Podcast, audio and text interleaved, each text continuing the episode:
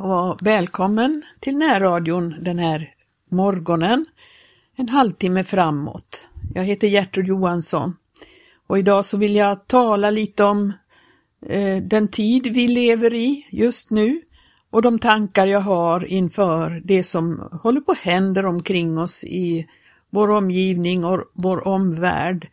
Vi har ju eh, orostider, det varslas om krig och det ser ut som att det är väldigt osäkert hur det kommer att bli med, med detta. Och människor kan ju oroa sig inför vad som ska hända, vad som ska ske. När man är frälst och tillhör Jesus så måste jag säga att jag är så glad att man har en fast klippa för sina fötter att stå på. Guds ord som är den fasta klippan. Den kan vi alltid lita på, det förändras inte, Guds ord. Eh, jag har tänkt på när, ja de här dagarna så har det varit mycket frågan om att det är eh, norrsken ute på nätterna och man har spanat upp mot himmelen för att se detta norrsken. Och då ser man ju också stjärnorna på himmelen. Och eh, jag har tänkt på det här med stjärnorna som lyser på himmelen i mörkret. Det är som Guds löften, Guds löftesstjärnor. Vi kan ju se ibland stora fyrverkerier som skickas upp mot himmelen och det blir ett fantastiskt regn utav stjärnor och de eh, blinkar så vackert och de sprakar och gnistrar och så och så glimtar de till och så dör de och faller till marken och det blir ingenting kvar. Även om hur vackert det än kan se ut. Och jag tycker att dessa fyrverkerier, det är som människors löften eller världens eh, lockelser och löften. Det är som fyrverkerier och det ger ingenting. Det dör efter ett tag och blir ingenting av. Men stjärnorna där bakom på himlen, de är där och de står fast. Stjärnorna är som fixpunkter.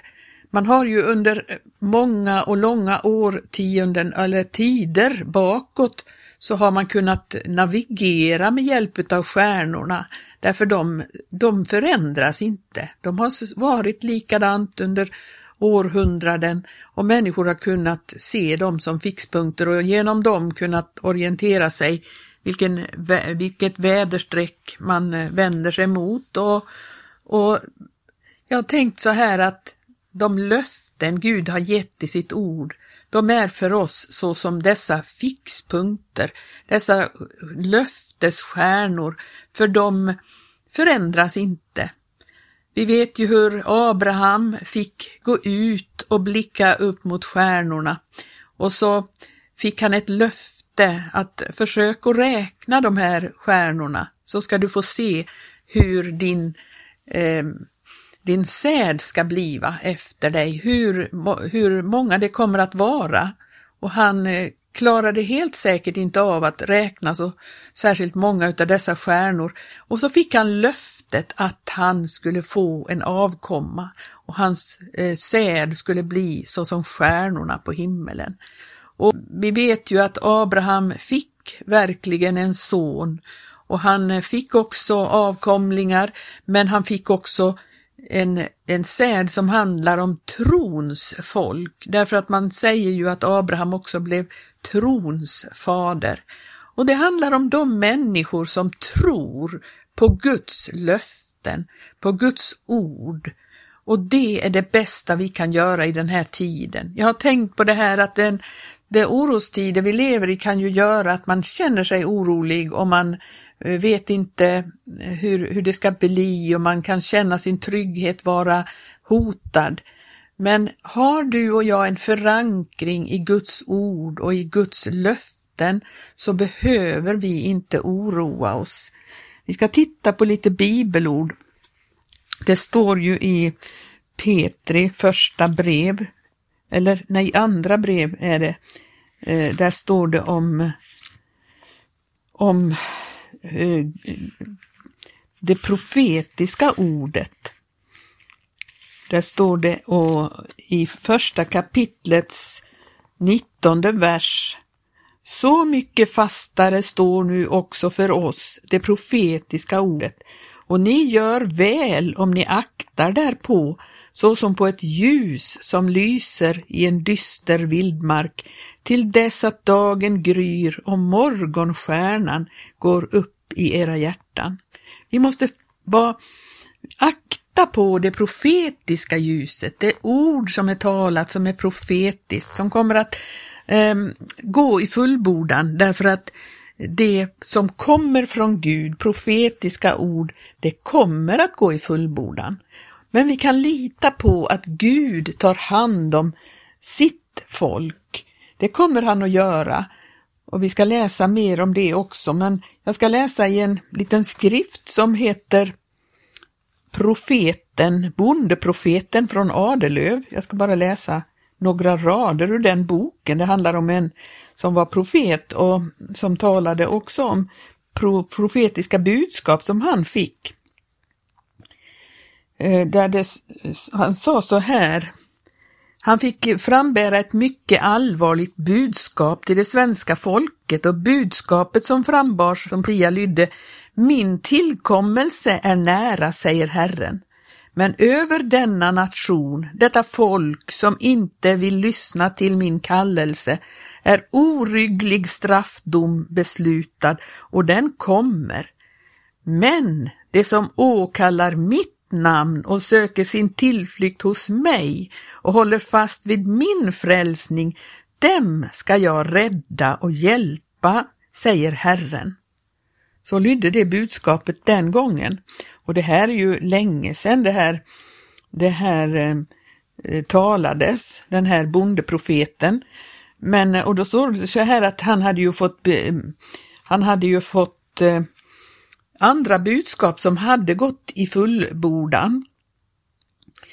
Eh, Karl Johans profetior i fråga om vad vi här har skildrat i den här boken så står det att det har två gånger slagit in in. Ingenting är säkrare än att den tredje också kommer att gå i uppfyllelse.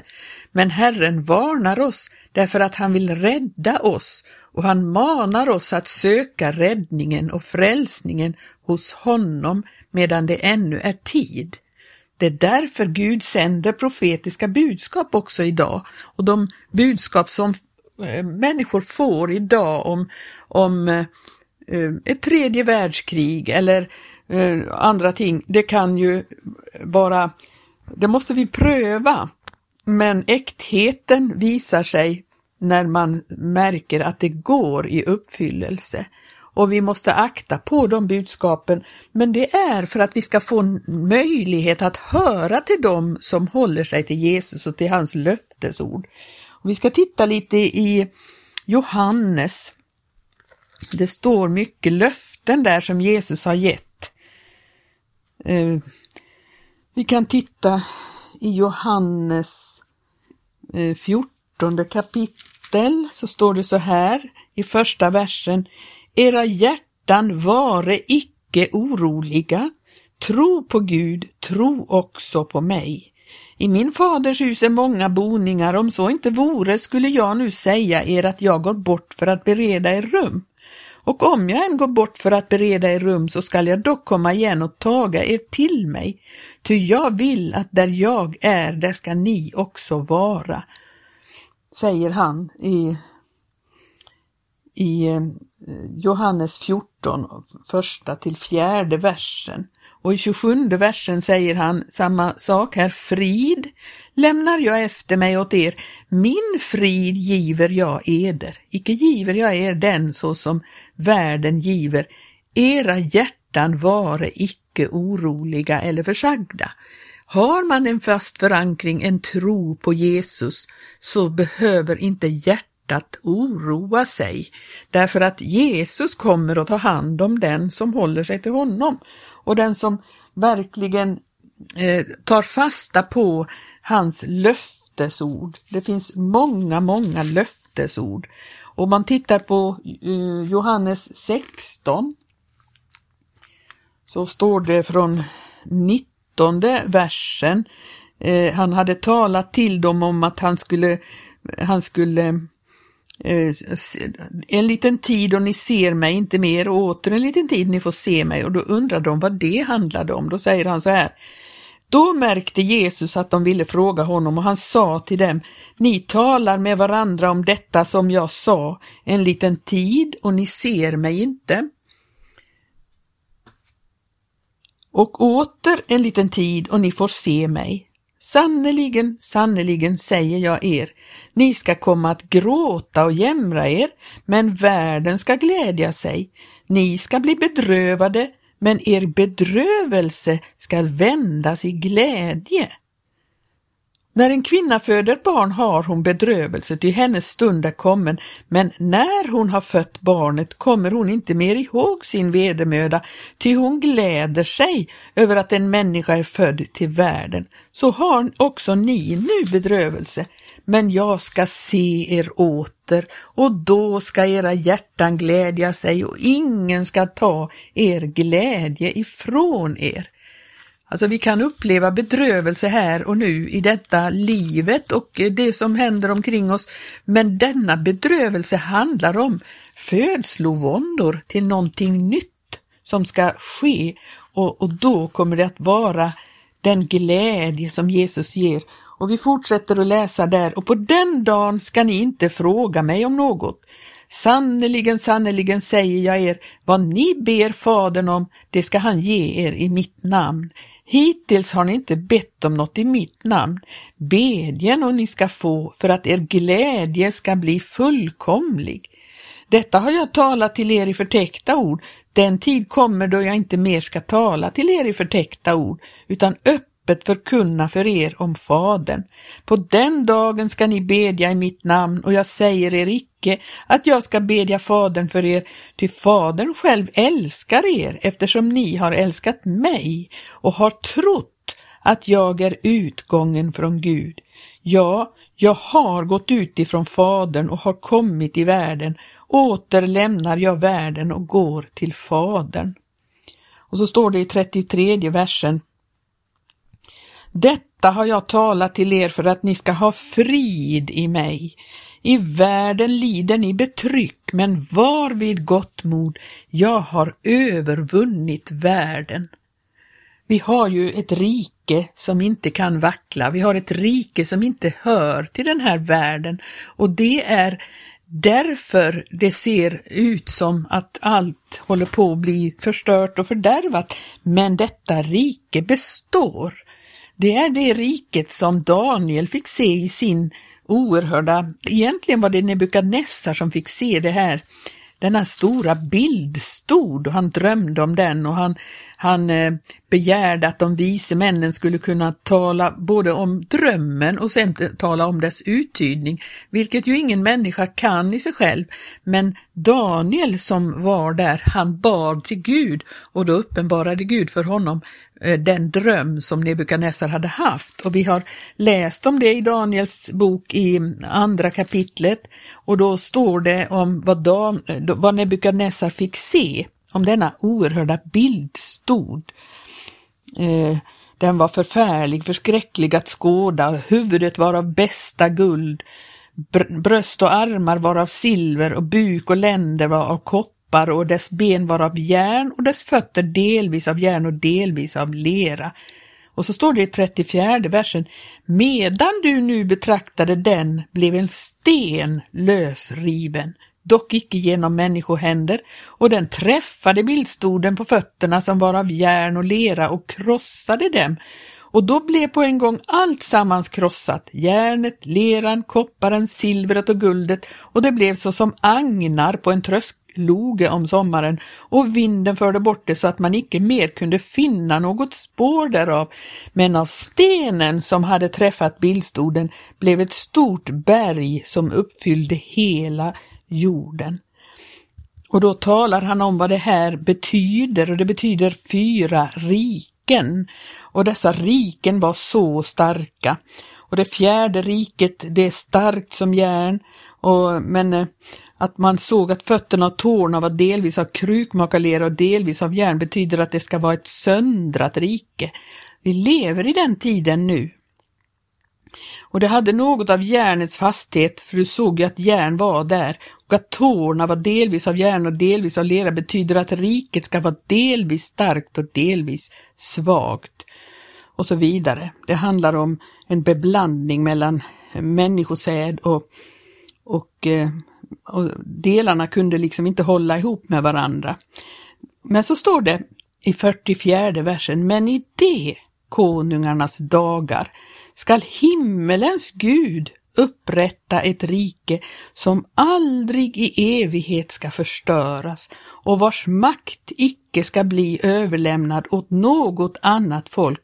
Det ska krossa och göra en ände på alla dessa andra riken, men självt ska det bestå evinnerligen. Ty du såg ju att en sten blev lösriven från berget, dock icke genom människohänder, och att den krossade järnet, kopparen, leran, silvret och guldet. Så har en stor Gud uppenbarat för konungen vad som ska ske i framtiden och drömmen är viss och dess uttydning är tillförlitlig. Om vi nu lever i den tiden då detta rike är eh, ja, fötterna eller tårna på den här stora bildstoden, då, då, vi vet ju att det är väldigt eh, bräckligt idag. Det finns både svaghet och styrka, men det är ett förfärligt rike. Och vi kan ju se eh, Daniel får ju en annan uppenbarelse om de här olika rikena sen och då får han det i form av fyra djur istället. I sjunde kapitlet i Daniel så står det om detta fjärde djuret, vilket är det här som eh, man kan säga eh, existerar nu. Där står det i sjunde versen, därefter fick jag i min syn om natten se ett fjärde djur, övermåttan förskräckligt, fruktansvärt och starkt, och det hade stora tänder av järn. Det uppslukade och krossade vad som blev kvar, trampade det under fötterna. Det var olikt alla de förra djuren och hade tio horn, och så vidare och så vidare. Ett förfärligt vilddjur som inte ens kan beskrivas med något särskilt eh, djur utan det var det, var, det liknade inte något av de andra. Men i, den, i de dagarna då kommer det här riket som en, handlar om en sten som blev lösriven, icke av människohänder. Och vi förstår ju att det är Gud som rycker loss den här stenen och så kastar den emot detta detta, eh, dessa fötter och så krossas alla de här rikena, alla, all den styrka som de här rikena har haft, allt det där som är byggt av människor och så kommer det ett evigt rike, ett evigt rike, för det står ju att det här riket skulle bestå evinnerligen. Vi lever i skarven till att det här ska bli, eh, bli uppenbarat. Och därför så är det så oerhört viktigt att vi i vår tid håller oss till Jesus och att vi litar på hans löften så att vi inte hör till dem som tappar koncepten att vi alldeles blir, blir oroliga eller försagda eller, eller eh, Nej, vi kan lita på att Gud tar hand om det sina. Han kommer att komma och hämta det sina när den dagen är inne. Och vi vet att han kommer att hämta oss i, i exakt rätt ögonblick. Vi behöver inte oroa oss. Vi behöver inte heller vara så upptagna med exakt när han ska komma. Ska han komma före vedermödan eller ska han komma mitt i vedermödan? Ska vi vara med i vedermödan så att han kommer efter den?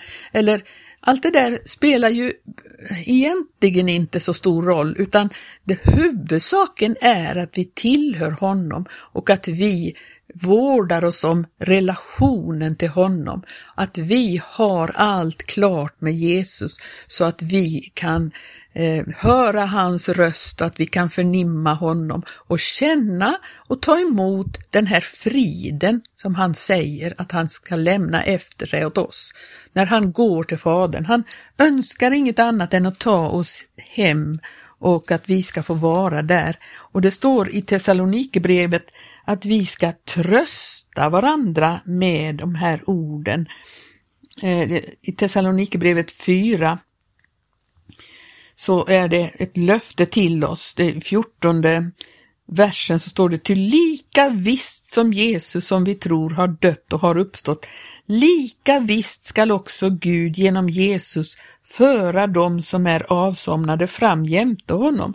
Så som ett ord från Herren säger vi er nämligen detta, att vi som är och lämnas kvar till Herrens tillkommelse ingalunda ska komma före dem som är avsomnade, ty Herren ska själv stiga ner från himmelen och ett maktbud ska ljuda, en överängels röst och en Guds basun, och först ska de i Kristus döda uppstå, sedan ska vi som då ännu leva och har lämnats kvar bli jämte de bortryckta på skyar upp i luften, Herren till mötes, och så ska vi alltid få vara hos Herren.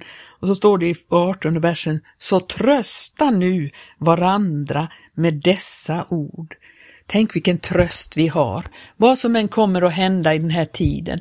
Bara vi tillhör Jesus. Vi kanske inte har full koll på all teologi eller, eller förstår varenda, eh, varenda liten eh, ja, mening i Guds ord. Det att vi har livet i Kristus och att vi lever med honom och att vi litar på honom så att vi, vi verkligen känner och upplever i vårt hjärta att vi har Jesus i våra hjärtan. Vi har hans ande och vi kan genom hans kraft vinna seger i den här tiden. Vara sådana som söker det som är där ovan och inte det som är på jorden. För det som är på jorden kommer att förgås och det kommer eh, domstider och, och svåra tider men vi som hör Herren till, vi kan trösta varandra med de här orden. Jesus kommer snart och hämtar hämtar oss hem. Nu har jag bara hunnit med att röra lite vid de här sakerna, men, men lita på Guds löften i Bibeln. Lita på hans ord. Det är det enda som är fast och säkert i den här tiden. Det är de löften som Jesus har givit oss. Så Håll fast vid dem vad som än händer, hur det än ser ut och se till att ha en egen relation med Jesus så att du kan bedja, du kan förnimma hans ande i ditt hjärta. Må Gud välsigna dig att hålla fast vid detta och vinna seger också i den här tiden. Amen.